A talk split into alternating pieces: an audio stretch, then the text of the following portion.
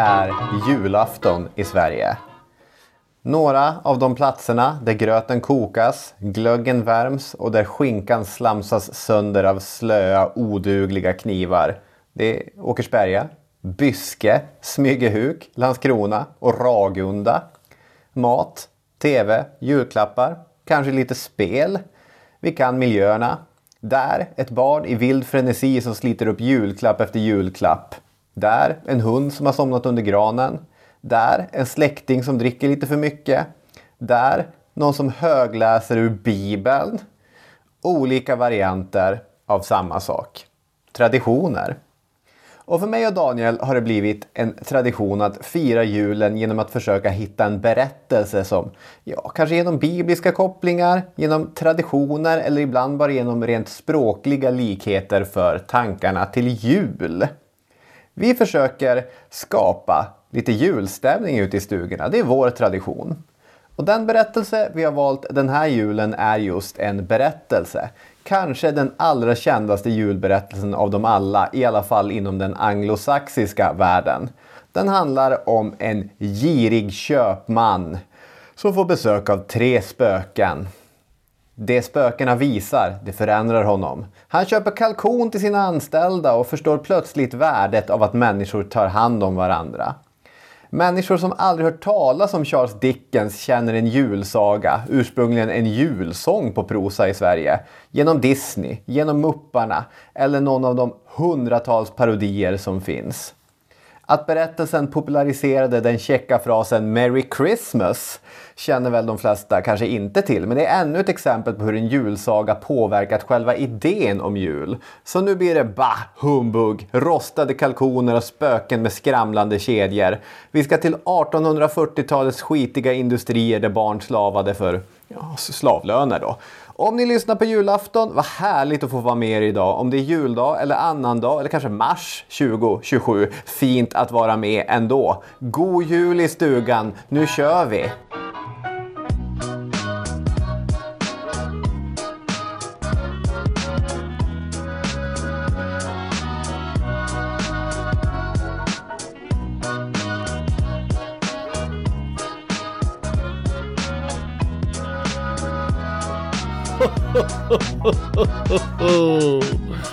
God jul Robin! Ja, god jul på dig också Daniel. Tack så mycket.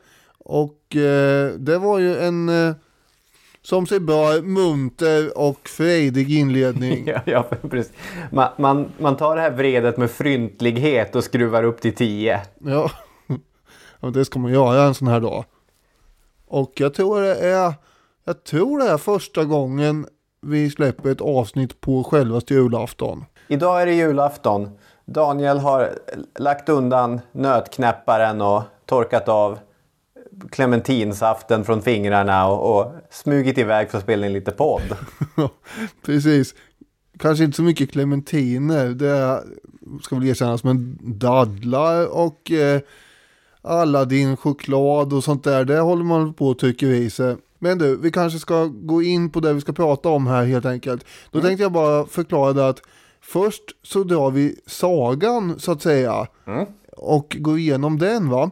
Mm. Eh, och eh, det tänkte jag att man skulle förklara först så att folk inte tror att eh, vad har hänt med själva historien. Varför pratar de inte historia i historiepodden längre? Bara en massa spöksagor.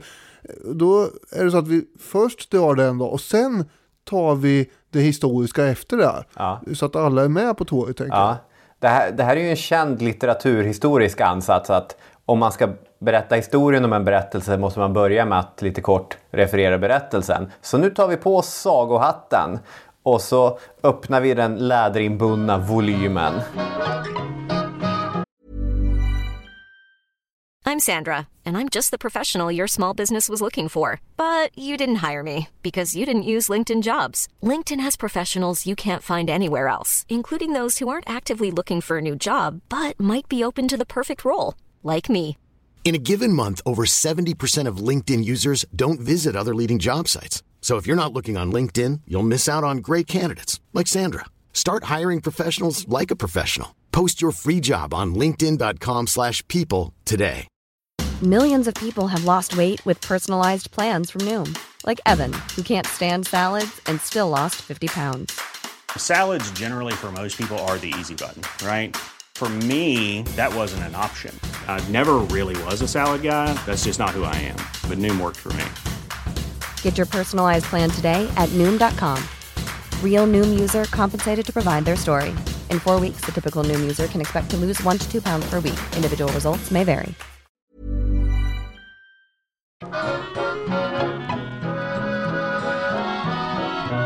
Och vem ser vi framför oss? Jo, vi ser Ebenezer Scrooge. Gammal och gneten. Varuhusägare, affärsman. Han avskyr julen. Unkind as any. and the wrath of many. This is Ebenezer Scrooge.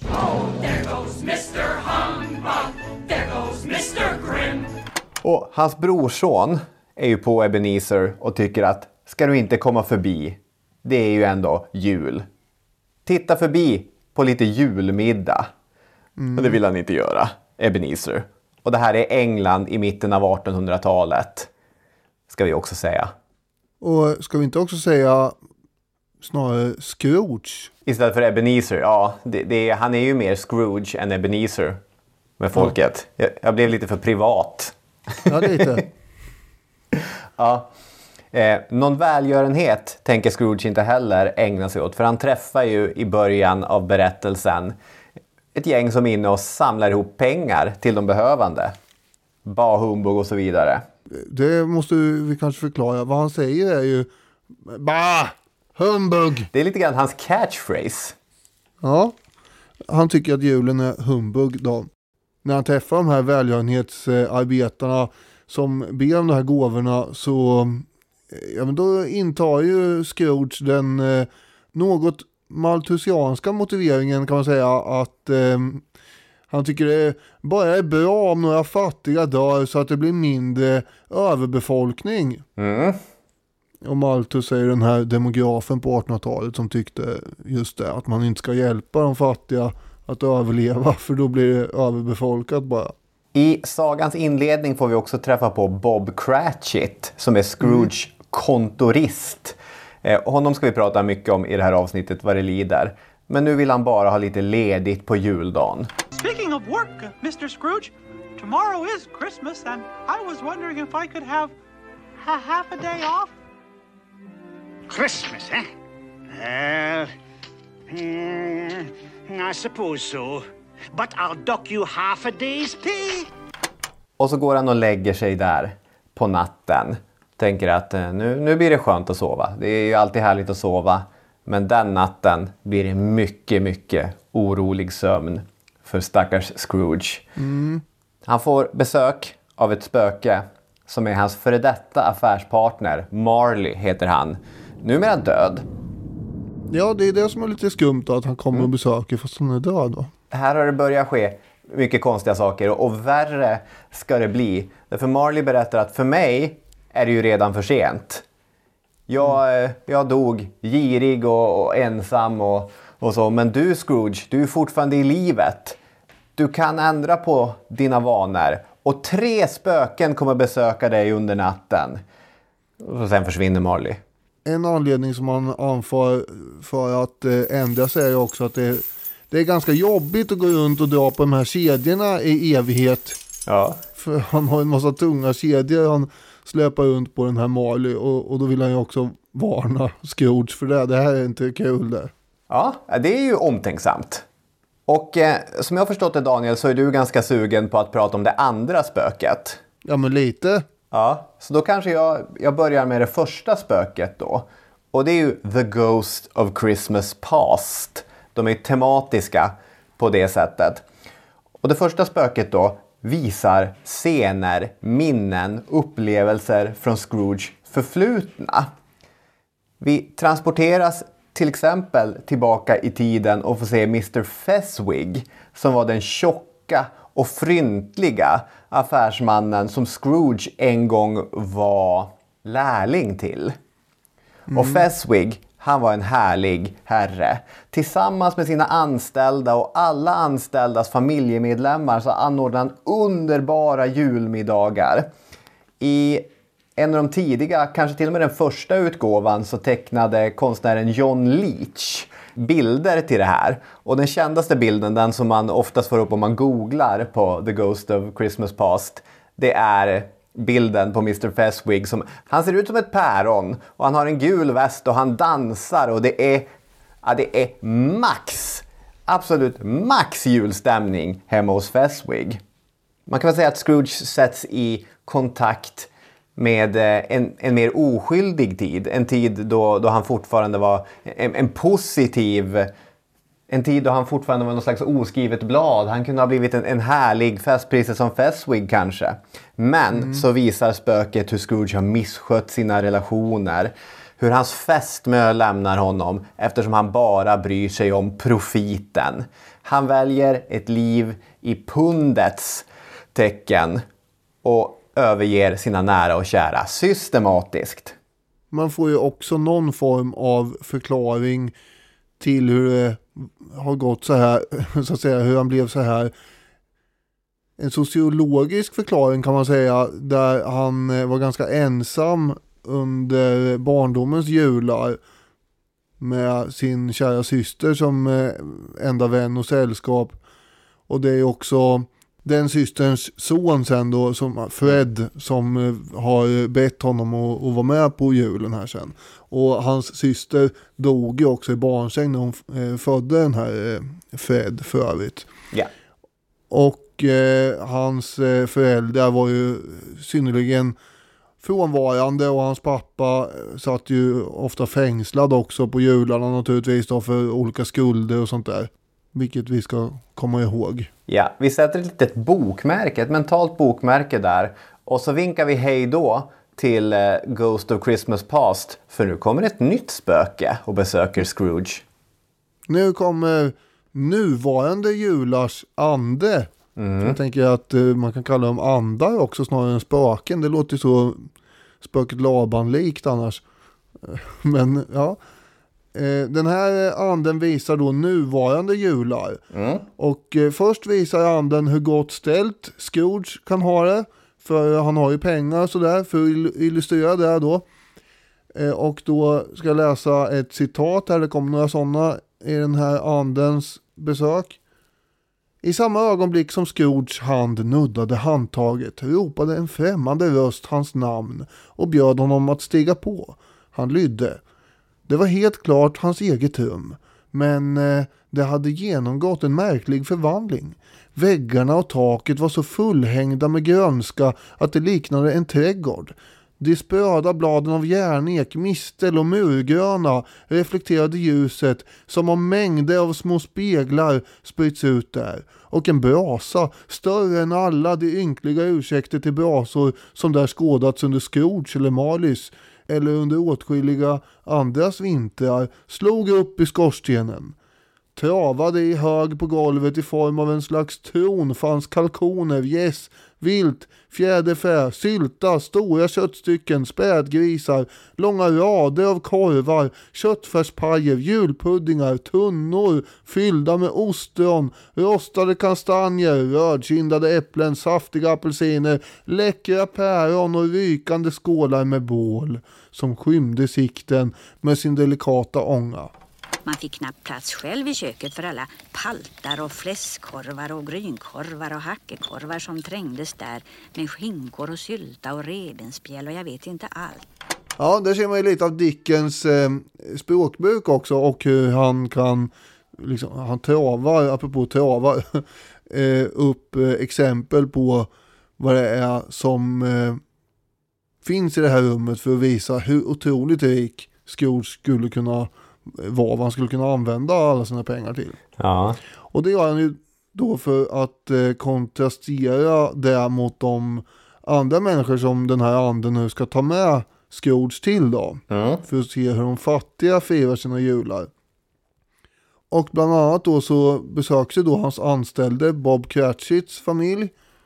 De har ju inte alls lika mycket mat. Men de har ju varandra och är glada och muntra för det. Och de skålar ju också glatt för herr Scrooge själv fast han inte ser dem då. Han är ju där och bara observerar och är osynlig. Och i den här passagen presenteras ju också Lille Tim, eller Tiny Tim, Mm. Just som det. är Bob Cratchits son då. Tim är ju svagt byggd och har ju någon sjukdom och han går ju på krycka och sådär och framstår ju inte som en särskilt avgörande karaktär men egentligen är han ju väldigt viktig för utvecklingen av historien här. Tim väcker ju empatin hos Scrooge. Och eh, det står så här då, Gud välsigne oss allihop, sa lille Tim sist av alla. Han satt mycket nära sin far på sin lilla pall. Bob höll hans mjuka lilla hand i sin, som om han befarade att den skulle tas ifrån honom. Ande, sa Scrooge med ett intresse han aldrig känt tidigare. Säg mig, kommer lille Tim att överleva?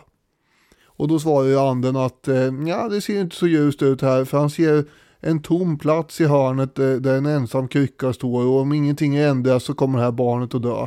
Och så tillägger han eh, sen då anden men om han dör så är det väl lika gott. Därigenom minskar ju befolkningsöverskottet. De gör ju också ett besök hos hans systerson då, Fred. Där alla också är glada och, och så även om de driver lite grann med Scrooges butterhet. Så finns det ju en värme där. Och en empati med att han inte förstår sitt eget bästa liksom. I, i att delta i det här julfirandet. Utan att han hellre sitter och surar i sin ensamhet. De tycker ju synd om honom helt enkelt. För att han inte fattar sitt eget bästa. Och Fred säger att eh, jag har för avsikt att ge honom samma chans varje år. Vare sig han gillar det eller ej. Eftersom jag hyser medlidande med honom. Sen finns det också en passage som ofta försvinner i de moderna varianterna av en julsaga. Tittar du på Disneys filmatisering så kommer det inte vara med det som anden till sist visar. Han skickar nämligen fram två stycken barn. Utmärglade, förvridna och dana. Ja, eh, jag har ju då läst en version ur en sån här som jag nämnde för några veckor sedan i en, eh, ett jul, juletid-magasin som jag köpte för eh, typ tre år sedan och som jag läser lite, några historier i varje december. Ja. Och där fanns ju den här då. Och eh, just den andra anden med och det är därför jag är specialist på den då. Och då är faktiskt de här barnen med ju. Och de är ju bedrövliga de här ungarna. Och eh, det står då att de är beklagansvärda, skräckslagna, fula och ynkliga. Det var en pojke och en flicka. Gula och magra, raggiga, grimaserande av missmod, vargaktiga, men ändå underkuvade i all sin ödmjukhet. Där ungdomens skönhet borde ha fyllt deras drag och givit dem sin friskaste färg hade en stelnad och hopkrympt hand, lik den som hör ålderdomen till, nypt och missformat dem och dragit dem i stycken. Ja, det här är ju två, två väldigt trasiga ungar. Ja, precis. Och vad är det för några då? Ja, det är okunnighet och nöd. Är det dina barn? ropar Scrooge till anden. Nej, nej, de är inte mina. De är människans, de är mänsklighetens. De är någon slags abstrahering av hur vi behandlar barn. Att om vi överger dem, om vi förnekar dem utbildning och trygghet, då blir de problem för hela samhället. Att med barnen, då är det så att där skördar vi vad vi sår. Tycks anden säga till Scrooge. I den version jag har sett så är det okunnighet som är pojken och flickan är habegäret. Ja, fast jag undrar om inte ha-begäret, det är ju en ganska på ett sätt klumpig översättning, men jag undrar om det inte är bättre, för på engelska så är ju want. Och want är ju en vilja till att ha någonting, kanske uppkommen ur nöd. Det är ju en lite märklig situation det här. För de här barnen måste ju bekämpas, säger anden. Särskilt pojken då. Och i hans panna står ju fördömelsen skriven. Skriker nästan anden. Och Scrooge undrar desperat om det inte finns någon som tar hand om de här barnen. Finns det inte fängelser? Finns det inte arbetsanstalter? Svarar anden. Och upprepar ju då saker som Scrooge har sagt innan. Och vänder emot honom igen. Man ska ju då bekämpa de här barnen, men inte barnen utan själva. Man ska väl göra så att de blir, eh, inte hamnar där. Det är väl det som är grejen. Ja, nej, så är det. om man ger dem skolning och det de behöver och så, då blir de ju respektabla samhällsmedborgare. Istället för de här eh, halvt monstruösa problemen. Och sen har vi sista anden, för det är ju inte över än. Och den som eh, vet hur disposition fungerar och förstår att om det första spöket handlade om historia och det andra spöket, eller andra anden som man borde säga, handlar om nutid. Då är Bergis, den sista anden, kapabel att blicka in i framtiden. Mm. Men framtiden är ju inte skriven, den är ju vad vi gör den till. För att citera John Connor i Terminator-filmerna. Eh, så att det här är ju en vision av framtiden som presenteras. För vi har transporterats till en plats där det är någon som har dött. Men det är ingen stor sorg. Ingen verkar bry sig. Det är några anställda som säljer av grejer. Vi får se några andra som är, de är lite lyckliga faktiskt för deras eh, snåla hyresvärd har dött. Mm. Det här är ändå, sett till det stora hela så är det en positiv nyhet. Men vad är det? Vad är det du visar mig? Frågar Scrooge. Och sen kommer gravstenen. Det är ju Scrooges egen gravsten. Det kom ju några av hans eh, affärspartners på den här begravningen eftersom eh, det ingår lunch. Exakt. Och så återigen en tydlig kontrast, för vi får ju också se någonting annat. Vi får se hur Tiny Tim har avlidit och vi får se hur ledsna hans familj är. Och där någonstans sjunker ju budskapet in. Jag kan inte fortsätta med mitt leverne som mitt leverne har sett ut. Tänker Scrooge. Nej, och sen när han vaknar på juldagsmorgonen så börjar han med att skänka en eh, summa pengar till de här männen på välgörenhetsorganisationen. Vi vet inte hur stor den är, men de är väldigt nöjda över det här. Sen Mm. skickar han en stor kalkon anonymt till eh, familjen Kvätschit, hans anställda då. Eh, och eh, framöver så kommer han ju själv då engagera sig i Lille Tims eh, tillvaro och så också. Mm. Och juldagen ägnar han sen tillsammans med systersonen Fred och hans familj. Och Scrooge har förändrats och tagit till sig av julens budskap och allt det här. God bless us, everyone.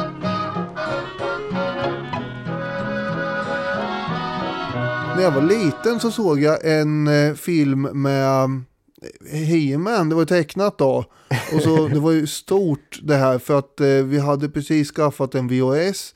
Mm. Och så hade eh, mamma då eh, sett till att hyra en eh, sån här He-Man-film bland annat. Och, och i slutet, jag vet inte om jag har sagt det här innan någon gång. Nej, jag tror inte det. Nej. Men i slutet där så blir ju då Skeletor och He-Man på något sätt eh, försonas och blir vänner. Och jag kunde inte fatta hur det här går till. De är ju dödsfiender. Oh, thank you, Mr. Skeletor. You saved us. You really are wonderful. Och, och allt. Men det visade sig då att det var ju jul. Jaha. Och eh, det fick jag ju då få förklarat för mig. Att det var ju förstås därför. Det är som i skyttegravarna. Skeletor och He-Man lägger ner vapnen och börjar spela fotboll, för det är ju ändå jul. Urkällan till de elaka, eh, gruffiga, vresiga, onda skelettens omvändelse är väl ändå Dickens. Ja, det är mycket sannolikt skulle jag säga. Och då hoppar vi vidare, för jag tänkte att innan vi ger oss in på Dickens eh, biografi och eh, den historiska kontexten kring den här julberättelsen. Så jag att vi kan dröja oss kvar i, är det här en typisk julberättelse? Hur mycket av Dickens julsaga finns i He-Man och i alla andra av de klassiska julberättelserna? Mm. Vad gör en berättelse till en julberättelse? Tänker du Daniel? Har du Ja, någonting? men det här är ju svårt. Man tänker ju snarare på tomtar va, än på andar. Ja. är min känsla. Men det är så mycket i den här ändå som eh, har eh, fått fäste i övriga julsagor eller julberättelser. För min del ska det vara, det ska innehålla mörka himlar med lysande stjärnor och månar över snötyngda tak på små stugor Och så kanske små pulsande tomtar med granar eller katter och grötskålar framför brasor och sånt där i en öppen space. Det, min uppfattning om jul och julberättelser i mitt huvud är ju att det ska innehålla sånt som gamla hedliga julkort innehåller. Och så ska det förstås genomlysa en eh, omtanke och sådär. Och det finns, fast jag är vuxen så tycker jag att det är något speciellt med julafton och, och fortfarande så har det något magiskt skimmer över sig. Mm. Jag kommer ihåg när jag var eh, typ eh, kanske 15-16 då var det en släkting som berättade och det här är ju inte sant förstås, men ändå, då var det en han, äldre herre då, han pratade om någon julafton för länge sedan. Eh, när han hade sett någon kort person eh, i, i någon luva gå i någon snöstorm och han tyckte nog att det här var, det här var mystiskt. Det kanske var något övernaturligt tomteväsen där ändå. Och, och jag kommer inte ihåg exakt själva storyn där men det gick ju ut på att den där eh, tomtelika varelsen försvann ju sen då också. Och bara syntes en kort stund där i snöovädret. Ja. Och sånt här kommer man ju ihåg. Det har gjort intryck på dig. och ta med sig, ja. Nej men det ska ju vara den här eh, också, som sagt, omtanken som när Emil Lönnebergas pappa tar fram en kärve åt fåglarna eller när Emil själv bjuder hela fattigstugan på tabberas i Katthult. Mm. Eller Karl-Bertil Jonsson förstås som är den perfekta ursagan för mig som svensk snarare än den här eh, julsagan som Dickens har. Mm. Mycket av det här då, för å ena sidan så efterlyser du att det ska finnas någon sorts eh, Viktor Rydberg, Jenny Nyström paketering i en Ja. julberättelse. Det är precis de namnen jag vill ha in här. Ja, och det finns ju inte i Charles Dickens. Däremot skulle jag säga att eh, enligt mig så är flera av inslagen i den här sagan verkligen stående återkommande inslag i, i flera av de mest kända julberättelserna. Att Dickens etablerar att en berättelse om julen kan eller ska handla om hårdhudade lirare som omger sig av ett emotionellt pansar. Men sen kommer julens budskap åt dem och då faller det pansaret också. Som en Skeletor. Exakt! Och i USA och därmed delvis resten av världen så är ju Grinchen från 1957 en av de stora klassikerna. You're a monster, Mr. Grinch. Dr. Seuss klassiska barnbok filmad flera gånger, bland annat med Jim Carrey. Som handlar om en sur, grön enstöring med ett hjärta som är två storlekar för litet. Han hatar julen och för att slippa julen så stjäl han julen. Men det funkar ju inte. För trots att allt pynt och alla klappar och all mat är stulen så vaknar alla små vämlingar eh, alla små who's i Whoville på engelska och firar ändå på juldagen. Grinchen, han vaknar till ljudet av julvisor och det är vackert. Och då förstår han, julen handlar inte om klappar eller pynt. Den handlar om något annat, om omtanke. Och då får han väldigt, väldigt ont i bröstet. För helt plötsligt så växer hans hjärta två storlekar. Och han blir en normal, omtänksam person. Så precis som vår berättelse med Scrooge så är det alltså en riktig surkatt som blir snäll av julen. Och i bägge berättelserna finns det också ett barn, Tiny Tim och Cindy Lou Who, som spelar den avgörande rollen i metamorfosen från surkatt till julentusiast. Och då tänker jag så här, Karl-Bertil Jonssons jul, kan man säga att även den har drag av det här? För det finns ju vissa likheter mellan den och Dickens berättelse. Inte så mycket att det är en suris som blir en julis, även om Tycho Jonsson delvis gör den resan. Ja, det gör han ju. Och han är varuhusägare, precis som Scrooge. Och han är varuhusägare. För det var ju det att jag, jag kommer tänka på Tycho förstås eh, med det här. Men så kunde jag inte riktigt eh, placera varför jag gjorde det. Men sen var det ju det där att de hade ju ägt varuhus båda två som gjorde att det blev konkret. Men sen är ju han lite eh, grymtig av sig också. ja, så är det. Samtidigt som han är ju han är ju en härligare människa än vad Scrooge är. I, i grund och botten. Han är ju glad att det är jul och så också. ja, så är det. Men Karl-Bertil Jonsson, han sprider ju julstämning genom att göra en insats. Han visar omtanke för samhällets utslagna. Ni kan det där. Japanskt päronträ till någon menlös familj. Och allt vad det nu är. Och, och Karl-Bertil han är gullig och naiv för det blir Sartre och Bodens fästning till människor som väl egentligen mer behöver ordentligt boende, varma skor och en bättre fungerande socialpolitik.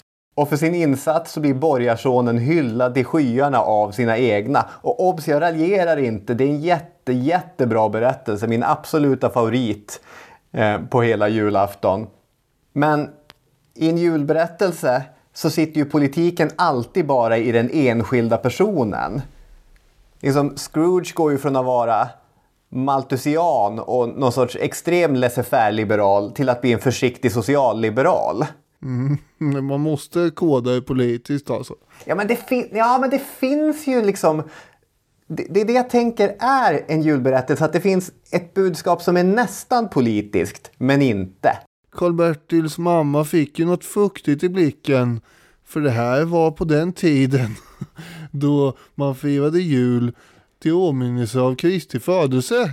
Ja, och så är det. Apropå en julsaga här ändå så måste det påpekas att den också har inspirerat Karl Barks till Jul på Björnberget 1947. Mm. Och det här är ju den konsekvens av julsagan som har påverkat mig mest. Jag tror i alla fall att det är så den mest konkreta påverkan. För att det här genererar ju då karaktären, den snåle karaktären Scrooge McDuck. Mm. Som sen blev mer känd som Joakim von Anka. Vilket var en idol naturligtvis när man var liten. eh, för- Var han en idol? För att, ja men nej, men man ville ju också bada i pengar och satt och eh, räkna mynt och höll på att polera sina stackars små Ja. fem kronor och en kronor och gjorde staplar och grejer. Och inte nog med det så naturligtvis som allt annat så ritade jag ju figurer och klippte ut i det här fallet von Anka och sen gjorde en stor pengabinge där jag hade öst ner en massa gröna och gula små pappersbitar som var då hans pengar. Och det här, det var inte bara von Anka gjorde då förstås, men den karaktären har ju ändå eh, haft impact i ens liv va? Och han eh, föds ju då 1947 i Barks huvud som en slags pastisch på um, Scrooge. Och det är ett återkommande tema också hur hans eh, brorson Kalle Anka som både då har rollen som släkting och anställd i det här fallet blir avspisad i olika julsammanhang. Men sen händer någonting och Joakim kommer ändå med i firandet. Bland annat så har vi en bok som eh, jag läser för Gustav också varje december som heter Jul hos farmor Anka. Och där kör ju då Kalle och Kajsa och knattarna i diket och så måste de be Joakim och komma och dra loss dem med sin häst och släde och sen åker de till farmor Anka och då har ju han då kommit på att det är ju ändå mysigt med jul i slutet. Ja. Men sen är det kul att farbror Joakim är Scrooge egentligen före de här andarna kommer. Att han föredrar att bada i pengar mot att eh, ge sin brorson en ordentlig lön så att han ska kunna köpa ordentliga livsmedel till, Ja. till knattarna. Det är en ganska osympatiska drag som finns i den ankfarbrorn. Hiring for your small business? If you're not looking for professionals on LinkedIn, you're looking in the wrong place. That's like looking for your car keys in a fish tank. LinkedIn helps you hire professionals you can't find anywhere else, even those who aren't actively searching for a new job but might be open to the perfect role. In a given month, over 70% of LinkedIn users don't even visit other leading job sites. So start looking in the right place. With LinkedIn, you can hire professionals like a professional. Post your free job on linkedin.com/people slash people today. Millions of people have lost weight with personalized plans from Noom, like Evan, who can't stand salads and still lost 50 pounds. Salads, generally, for most people, are the easy button, right? For me, that wasn't an option. I never really was a salad guy. That's just not who I am. But Noom worked for me. Get your personalized plan today at Noom.com. Real Noom user compensated to provide their story. In four weeks, the typical Noom user can expect to lose one to two pounds per week. Individual results may vary.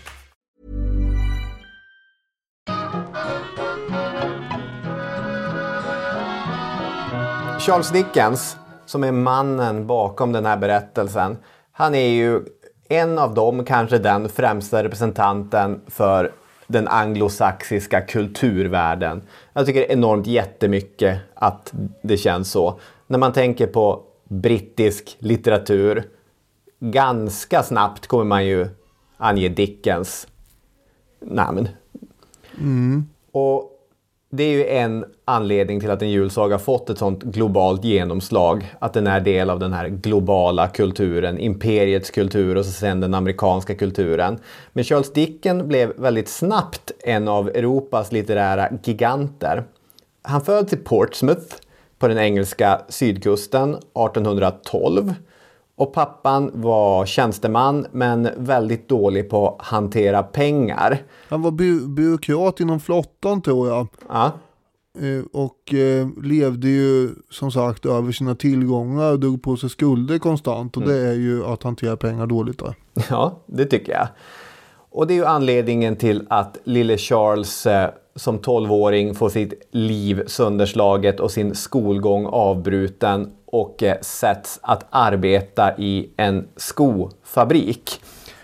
Och det är ju en av de formativa händelserna i Dickens liv och någonting som han gång efter annan återkom till i hans berättande.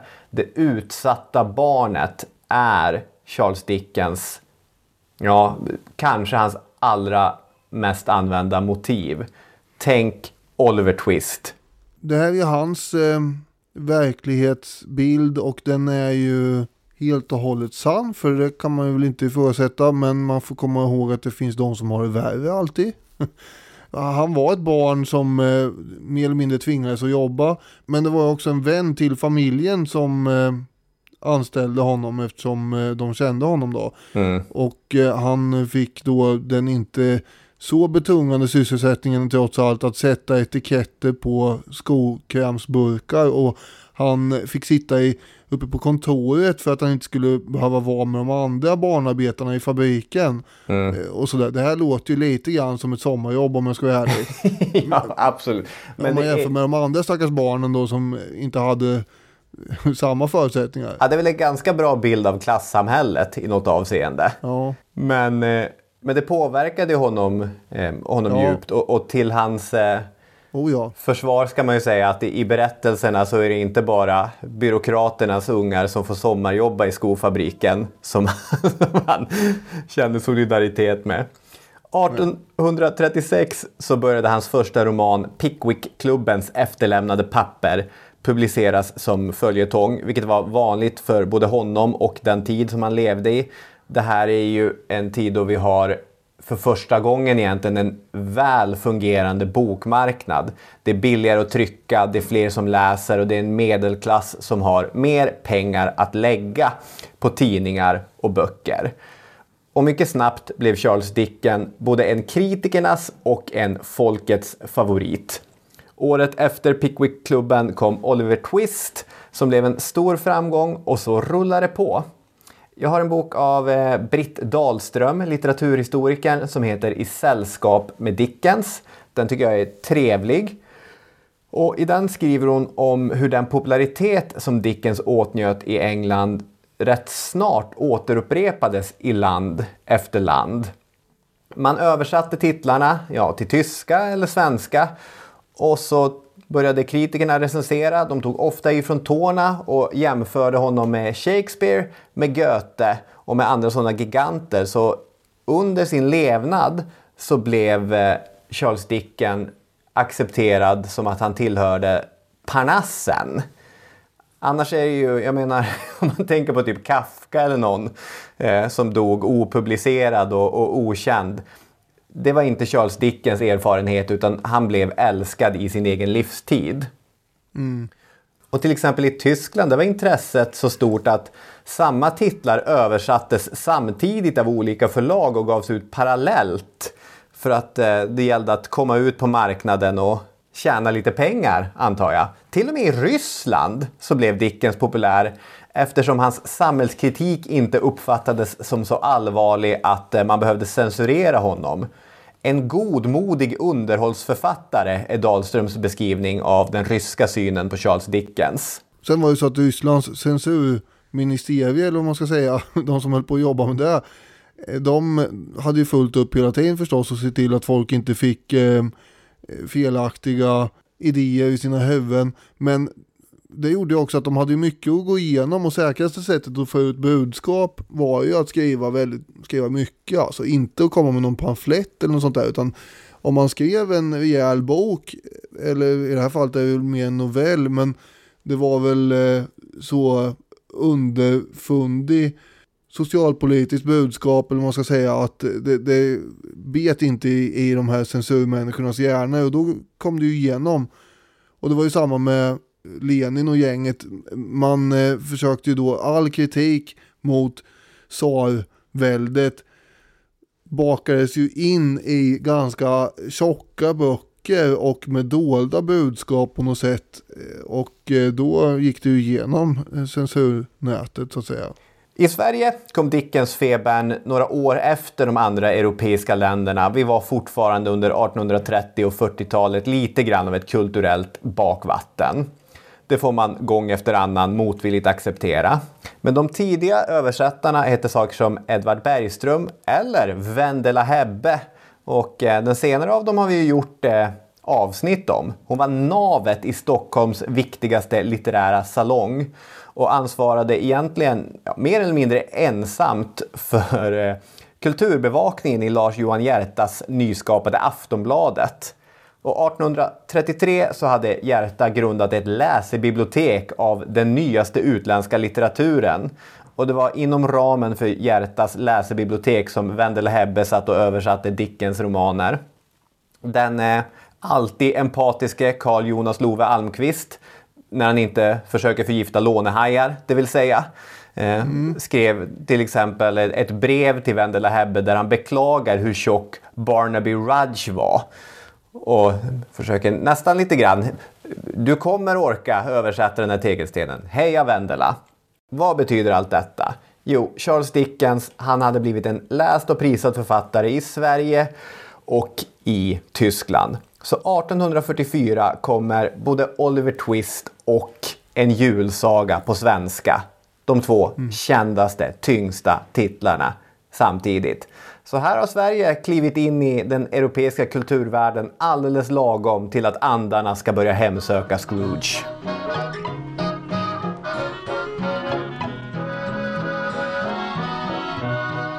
–1840-talet kallas ju också i eh, engelsk historia för The Hungry Forties. Mm. Eftersom det var elände, misär, massarbetslöshet och befolkningsökning samtidigt. Just det.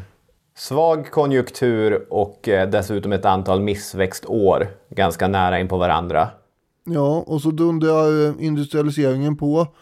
Och vi har urbanisering som ökar, alltså att folk flyttar in till städerna som växer så det knakar. Mm. Varje årtionde kommer ju minst 300 000 nya invånare till London. Slumområden breder ut sig. Ja, det har inte kommit svensk timmer in på marknaden än. De har ingenting att bygga ordentliga hus av. Nej, det har de inte. Det är därför förstås. Familjerna tvingas i alla fall sätta sina barn i arbete på industrierna för att ha en chans att få ihop det här. Mm. Och samtidigt så blir Dickens allt mer socialpolitiskt engagerad. Han tycker ju då att staten måste gå in och ta ett mer faderligt ansvar för de medborgare som inte kan eh, klara sig själva och särskilt då de många barn som har riktiga fäder som inte är så bra på att vara fäder. De måste man ta hand om. Staten måste göra någonting här. Mm. Och eh, överlag så blir han ju mer och mer liksom socialpolitiskt engagerad. Han åker till USA under 1842 och där är ju debatten om slaveriet på väg att ta fart rejält då. Och det gör ju intryck. Och han börjar skriva satirer om eh, det konservativa partiet Tories och sådär. Mm som vinner regeringsmakten 1843 också. Vilket brukar mm. vara goda nyheter eftersom det mobiliserar den kreativa kraften hos brittiska musiker och författare. Brittisk kultur är ju alltid som bäst när det är konservativt ledarskap. Ja, det här, jag är inte lika bevandrad i den typen av analyser som du. Så jag Ja, kan bara... och det är klart att det är subjektivt eh, i någon mån ja. också. Men Britpoppen var ju bäst när den var arg på Thatcher. När sen Blair vann så tappar den ju lite grann av eh, sitt patos. Ja, 1843 hade ju Dickens senast släppta bok om eh, Martin Chuzzlewits äventyr Mm. kommit och den hade ju sålt eh, dåligt. Ja. Det, det var ingen succé. Nej. Och förlaget var lite bekymrat och själv var han ju i behov av pengar. Mm. De vill sänka hans lön, förlaget. Ja, och vid det här laget så är hans eh, femte barn på väg. Oj, oj. Och Det ska ju bli tio totalt till slut. Samtidigt så försöker han också försörja sin gamla stökiga pappa. Och så. Och mitt i allt det här så kommer rapporten. Nu kommer rapporten. Nu kommer rapporten här. På våren 1843. Parlamentets rapport om barnarbete. Mm. Och den innehåller då en rad intervjuer med olika barn. Och med stigande förfäran får man säga läser ju Dickens de här barnens vittnesmål. Och visserligen så visste han ju hur bedrövlig situationen var. Men det är ändå som att den här rapporten kryper in under skinnet på honom helt och hållet. Det är sjuåringar som har tillbringat hälften av sina korta liv i gruvor. Och vi har rökande åttaåringar som har arbetat så länge att deras pappor inte ens kan komma ihåg när de hade börjat. Nej. Och den här rapporten gör ju att Dickens tänker Nej, nu ska jag skriva en, en, eh, en pamflett. Oj, oj, oj, vilken stark politisk pamflett jag ska skriva nu här. Mm. Och titeln, det ska bli, det ska bli mustigt, känslostarka An appeal to the people of England on behalf of the poor man's child. Mm. Och det här, det kommer ändra på allt det, tänkte han Just det. en, en stund. Eh, Ja. och, och sen kom han på att det kanske inte skulle ändra på något. Nej. V- Vem är jag? Är jag en politisk agitatör? Eller är jag en socialpolitiskt eh, intresserad underhållningsförfattare? Ja, just det. Ja, och så börjar han då så att säga eh, spana inåt sig själv och inse att jag måste göra något som, som jag är bra på. Han vill ju skriva något som är citat 20 000 gånger så starkt som en pamflett som bara är riktad till parlamentet då. Den här måste träffa folkets uppmärksamhet som eh, slaget från en slägga. Mm. Jag var ju lite ironisk här angående titeln innan. Det var ju inte alls en särskilt bra titel egentligen. Det hade kanske varit det på en pamflett men det är ju, jag har ju redan glömt bort. Jag hade skrivit upp det här och nu har jag glömt bort vad det var. Då är det ju bättre med helt enkelt en julsaga. A Christmas Carol. Det är ju ett genidrag att eh, skriva det så som man gör. Mm. Och det kommer att sätta tonen för julfirandets innebörd också som du har varit inne på fram till nutid ju. Den här rapporten som kom 1843 den väckte ju mycket ont blod hos flera av landets intellektuella. Benjamin Disraeli som 30 år senare skulle bli den premiärminister som lagstiftade om 10 timmars arbetsdag och restriktioner mot barnarbete. Han skrev mycket indignerat om den här rapporten. Elizabeth Gaskell som liksom Dickens skrev ingående om fattigdom, arbetare och eh, eh, industrin. Hon var mycket engagerad i debatten som den här rapporten om barnarbete väckte. Och en annan som läste samma rapport och eh, drabbades hårt av den var Friedrich Engels.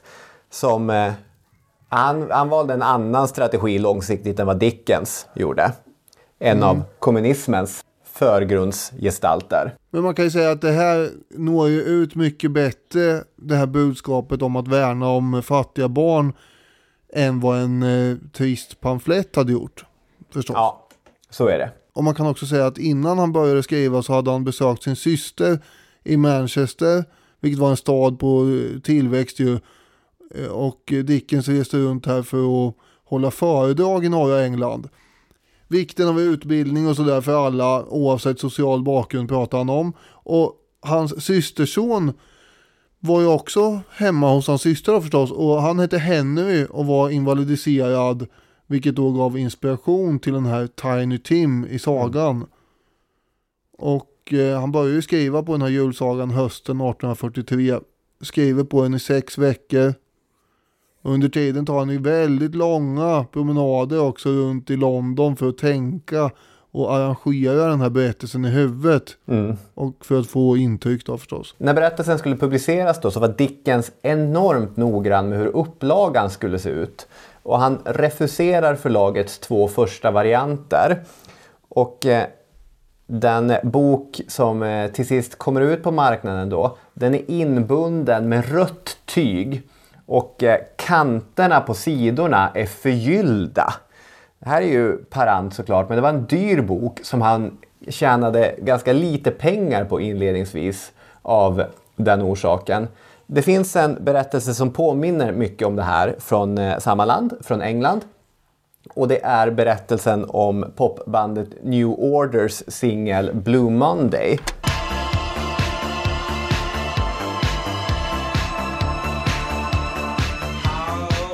Snabbt, jag lovar, men det här är intressant.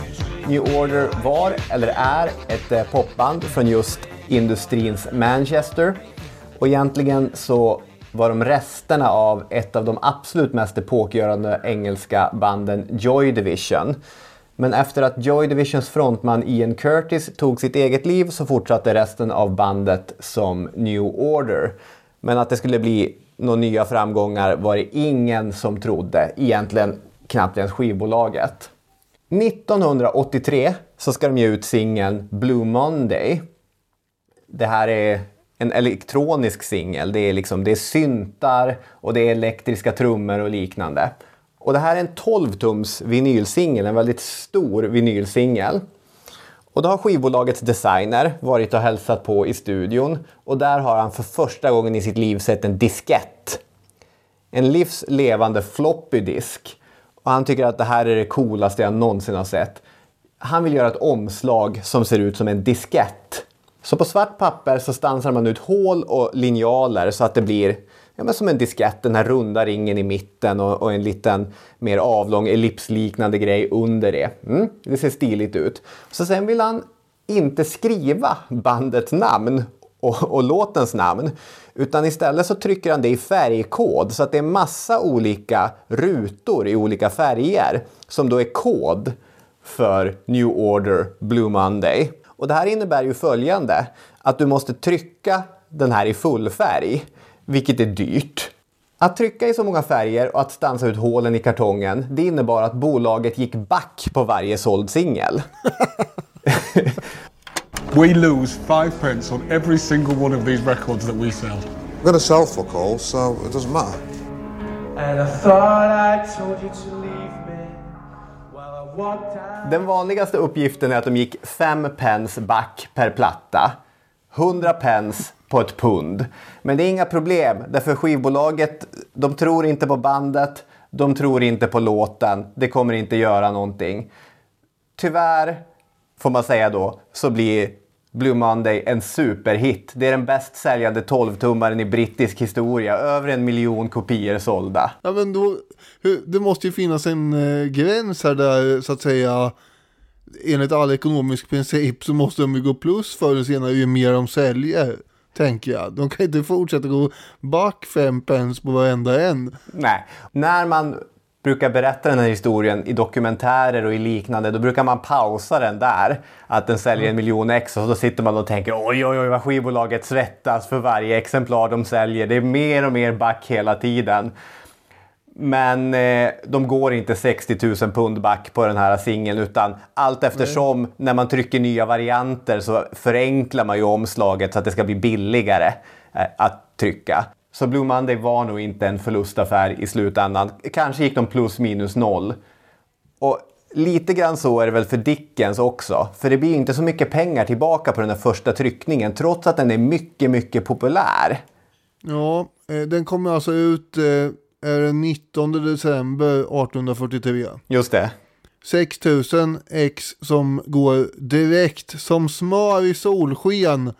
Och eh, då ska vi komma ihåg att eh, det blir också två tryckningar till under 1843 bara. Som också försvinner direkt. Så att eh, han har ju alltså tre upplagor på några veckor som ryker iväg ut till, till köpare här. Så att, Och då har han suttit på en liten post-it-lapp och skrivit lite anteckningar där och tänkt att ja, men tusen pund ska jag nog dra in på den här försäljningen. Men när eh, allting är avdraget och när den här dyra upplagan eh, går i tryck och så, så ja, det blir 230 pund tjänar han. Men sen kommer han ju också att eh, åka runt på olika föredrag.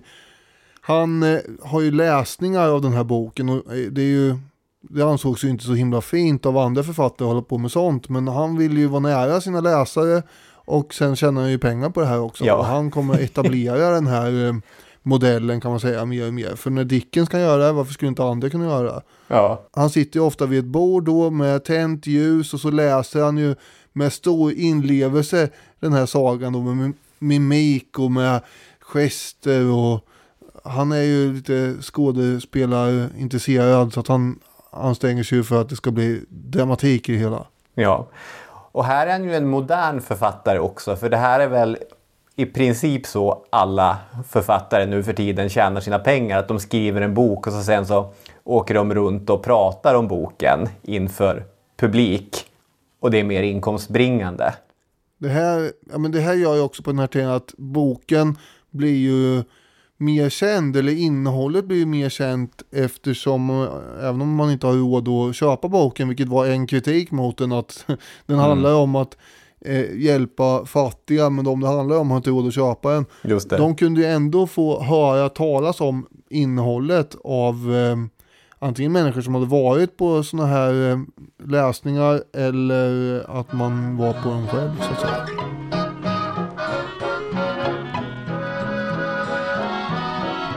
När jag bollade fram det här ämnet så gick du Daniel och slog i dina digra volymer och du hittade Steven Nissenbaums eh, gamla fina The Battle for Christmas. Det är en kulturhistoria om eh, framförallt den amerikanska julen. Vi har använt den tidigare i vissa av våra julavsnitt. Och Nissenbaum har en väldigt intressant läsning av en julsaga som utgår ifrån klasstillhörigheten hos Scrooge och eh, hans anställda sekreterare eller kontorist Bob Cratchit. Och eftersom berättelsen äger rum mot bakgrund av den industriella revolutionen så är det lockande, menar författaren Nissenbaum, att tolka Scrooge som representant för industrialisterna och tolka Cratchit som en representant för proletariatet, industriarbetarna. Men i själva verket är ju inte Scrooge industrialist, utan han är handelsman. Han äger ett varuhus. Och Cratchit i sin tur är ju inte proletär, utan han är tjänsteman. Han är fattig. Det, låt gå, det är han. Allt detta, skriver Nissenbaum, är inte för att förneka att Bob Cratchit är en exploaterad arbetare. Det är endast för att visa att han knappast är en realistisk symbol för 1800-talets industriproletariat. Och det är intressant när man börjar titta på det där, för industriproletariatet är ju osynligt i berättelsen. Scrooge träffar aldrig riktiga fattiga människor, utan det är ju medelklassens utsända som ber honom om pengar till välgörenhet. Det är ingen trashank på gatan som sträcker fram sin hand. Och det är hans egna anställda som utgör symbolen för fattigdom. Och de är ju snarare något slags utsatt småborgerskap då kanske. Och Scrooge i sin tur är ju själv en self-made man som genom hårt arbete och stor snålhet har tjänat sin förmögenhet. Ja, så är det ju. Och eh, hur kommer det här in då i att man kan säga att det spelar roll för hur julfirandet utformas? Ja, vi får ju komma ihåg att på den här tiden så är det ju ganska oklart egentligen vad ett modernt julfirande är och hur det ska gå till. Det är eh, en förvirring kring högtidens innehåll kan man säga och det har jämförts med hur nytt Black Friday är för oss numera. Vilket inte är en riktig högtid förstås. Men eh, så det är inte helt jämförbart men i alla fall hur, hur nytt det kändes att man, vad ska man göra nu? Och var, varför är det nytt då? Jo, det är ju, dels är det så att julen har ju firats sedan väldigt långt tillbaka så det är ju inte nytt. Men det var ju annorlunda på den tiden man befann sig i jordbrukarsamhället och det har ju så många lämnat nu. Nu sitter man i lägenheter inne i stan och tycker och ma- man måste inte fira jul för att eh, man har slaktat en gris liksom. Nej. Så betydelsen av julen behöver omstöpas till något annat om den ska vara relevant. Och det finns ju frågetecken kring en del saker då, som till exempel julklappar, gåvor, allmosor. Vad är det? Vem ska ha det och vad är skillnaden och sådär. Det fanns ju en generell uppfattning då som vi var inne på innan med Malthus att man inte ska hjälpa de fattiga allt för mycket. Och anledningen är att eh, de eh, är fattiga för att de eh, är lata och omoraliska helt enkelt och det ska man inte uppmuntra genom att hjälpa dem för mycket. För då uppmuntrar man deras lathet helt enkelt. Och den här teorin är för övrigt intressant eftersom den fick ju genomslag i USA igen då under förra decenniet med Tea Party-rörelsen och den så kallade hammock-teorin som gick ut på att de fattiga bara glatt låg i en hammock hela dagarna och levde på matkuponger som andra hade betalat. It's now common knowledge that our welfare system has itself become a poverty trap, a creator and reinforcer of dependency. And that's why last year, in my State of the Union message, i called for an overhaul of our welfare system. Så den är ju inte borta, eh, den tanken då. Men eh, på den här tiden så var det så att i England på 1840-talet så skapar man så kallade workhouse. Arbetsstugor på svenska. Ja, precis. Arbetsstugor, bra. Dit familjer kunde söka sig då och eh, få hjälp vid akut behov typ. Men vad som hände där var att man splittade upp dem och så fick de minimalt med mat mot hårt arbete. Och Scrooge i sagan nämner ju vid ett tillfälle att eh, har man det riktigt dåligt så kan man minsann gå dit. Ja exakt. Och, och, obs, arbetsstugorna eh, förekom ju också i Sverige eh, under 18 och, och tidigt 1900-tal eh, som en följd av eh, den fattigdomen som vi hade här också.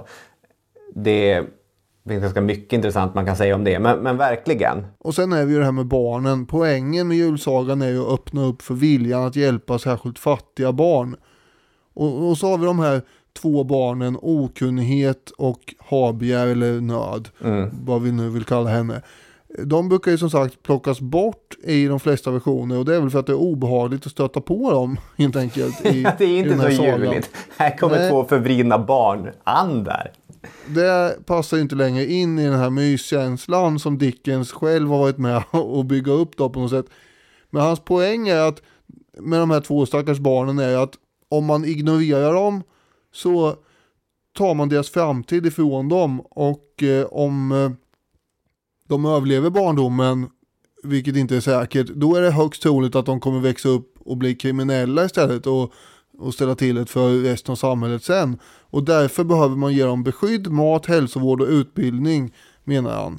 Och det fanns ju många fattiga barn i London och rikta den uppmärksamheten mot. Och visst är julen barnens högtid. Man menar ju att julen den är till för de små. Så klyftan är ju snarare emotionell än ekonomisk kanske. För Cratchit och hans familj har det ju supergemytligt där hemma. Medan eh, den här Scrooge sitter i sin ensamhet. Och, och klyftan handlar ju då om medmänsklighet och gemenskap snarare. Den finns inte alls i Scrooge jul. Medan den finns i alla de här andra människorna som de besöker jul. Mm. Och där har vi det väl egentligen då, tänker jag att budskapet är att det ska handla om det. Ja. Och det som Nissenbaum menar att andarna ger honom, det är ju att eh, Scrooge kanske framförallt får hjälp att navigera hur man ska bete sig mot sina anställda i den här nya kapitalistiska världen. För minnet av Mr Feswig, som eh, Scrooge hade varit lärling hos, det är ju ett minne från en annan tid. Ett, eh, ett minne från eh, ja, men, en sorts kvarleva från feudalismen där herren några gånger om året, till exempel vid julen, bjuder in alla sina undersåtar, eller vad man nu ska kalla dem. Det är upp och nervända världen och, och man dansar och, och festar tillsammans och äter god mat och så. Men Scrooge lever ju inte i den kontexten, i den situationen längre. Utan han lever ju i en stad. Och eh, Cratchit är inte hans lärling, utan, eh, utan hans anställda. Så- det han gör är ju att han budar en kalkon till Cratchit. Just det. Som sagt, anonymt. Han, han ger en, en fin present och kanske höjer han också Cratchits lön köper sin anställdas fortsatta lojalitet och kanske därför ett hårdare arbete, föreslår Nissenbaum. Och så skriver han Ritualerna förändrades. Vad Dickens visade sina läsare var ett sätt att navigera ute på ritualernas okända vatten för att undvika grundstötningar. Såväl skulden som kunde uppkomma av att inte dela med sig över klasstillhörigheten som röran, för att inte tala om meningslösheten som allmosor till varje trashank som knackade på ens dörr innebar. Att eh, berättelsen går att läsa som eh, en slags guide hur man Ja. ska bete sig. För det finns ju många här nu i den nya stadsmiljön som inte riktigt eh, vet hur man ska göra helt enkelt. Nej. Man har kanske anställda och hur ska, ska man göra? Ska man ge dem julklappar eller är det allmosor eller hur är det? Så det blir ju som en guide. Och eh, ja, det här kan väl då motsvara de helt opersonliga julklappar som företag skickar ut idag till sina anställda. Eller ännu värre, kommunerna kanske inte skickar ut något alls till sina anställda längre för de tycker att det kan man spara in på. Jag menar, Ja. det blir, man får ju någon grej ifrån eh, sitt jobb ofta. Men eh, det är inte som att eh, varje enskild eh, företagsägare sitter och tänker igenom vad varje enskild anställd ska ha utan det blir ju massutskick eller att man får välja mellan någonting i någon slags eh, katalog jag hört. Ja, så att det, det, det finns ju det här fi- finns ju motsvarighet till nu menar jag bara. Ja. Buda en kalkon till dina anställda. Ja, det gör ju få nu för tiden, men det hade ju varit mer personligt då, faktiskt. Sen har vi de ansiktslösa fattiga som man inte känner alls till. Hur ska man göra med dem då? Jo, de kan man ju då skänka pengar till någon välgörenhetsorganisation till. Och det gör ju Scrooge. Han söker upp de här två och sen så ger han dem någon summa som vi inte får veta som sagt. Eh, Och det motsvarar väl då kanske den här lilla trenden som finns att man ska skänka pengar till någon välgörenhetsorganisation i någon annans namn. Min julklapp till dig kan vara att nu har jag gett pengar till eh, Röda Korset här. Just det. I, i ditt namn eh, till exempel. Och jag har planterat träd i Viskogen. Det har jag. I ditt namn. Det var ju under 1840-talet och främst kanske efter en julsaga 1843 som traditionen med presenter utvecklades överhuvudtaget. Och som gjorde att den skilde sig då från eh, allmosor till fattiga som man hade gett innan kanske. De här presenterna, julklapparna som man gav till eh, sin familj, de var ju då mer påkostade och personliga och uttänkta till den som skulle ha dem och sådär. Och slogs in i något elegant och fint eh, papper och överlämnades då ansikte mot ansikte så som Scrooge deltar i julfirandet med den här systersonen Fred på slutet. Så där får man också veta att ja, familjen ska man vara med och de kan man ge eh, julklappar som är fint inslagna och uttänkta till. Och sen har vi de här andra kategorierna, anställda, eh, fattiga som vi inte vet vilka det är. Mm. Och hur man ska hantera alla de här kategorierna då, får man ju Just veta det. här. Bra grejer! Och är det med det sagt som vi ska önska alla lyssnare en riktigt god jul? Det ska vi väl, för nu är det ju dags att ge sig på Janssons frestelsen. ja, vad härligt att höra. Vad har du för fisk i i år? Ansjovis. Ja, skönt. Alltid ansjovis, oavsett Ja. vad jag sagt innan. Ja, ja det är härligt. Får, får vi en bild på, på Instagram? Ja, det får vi se. Kanske.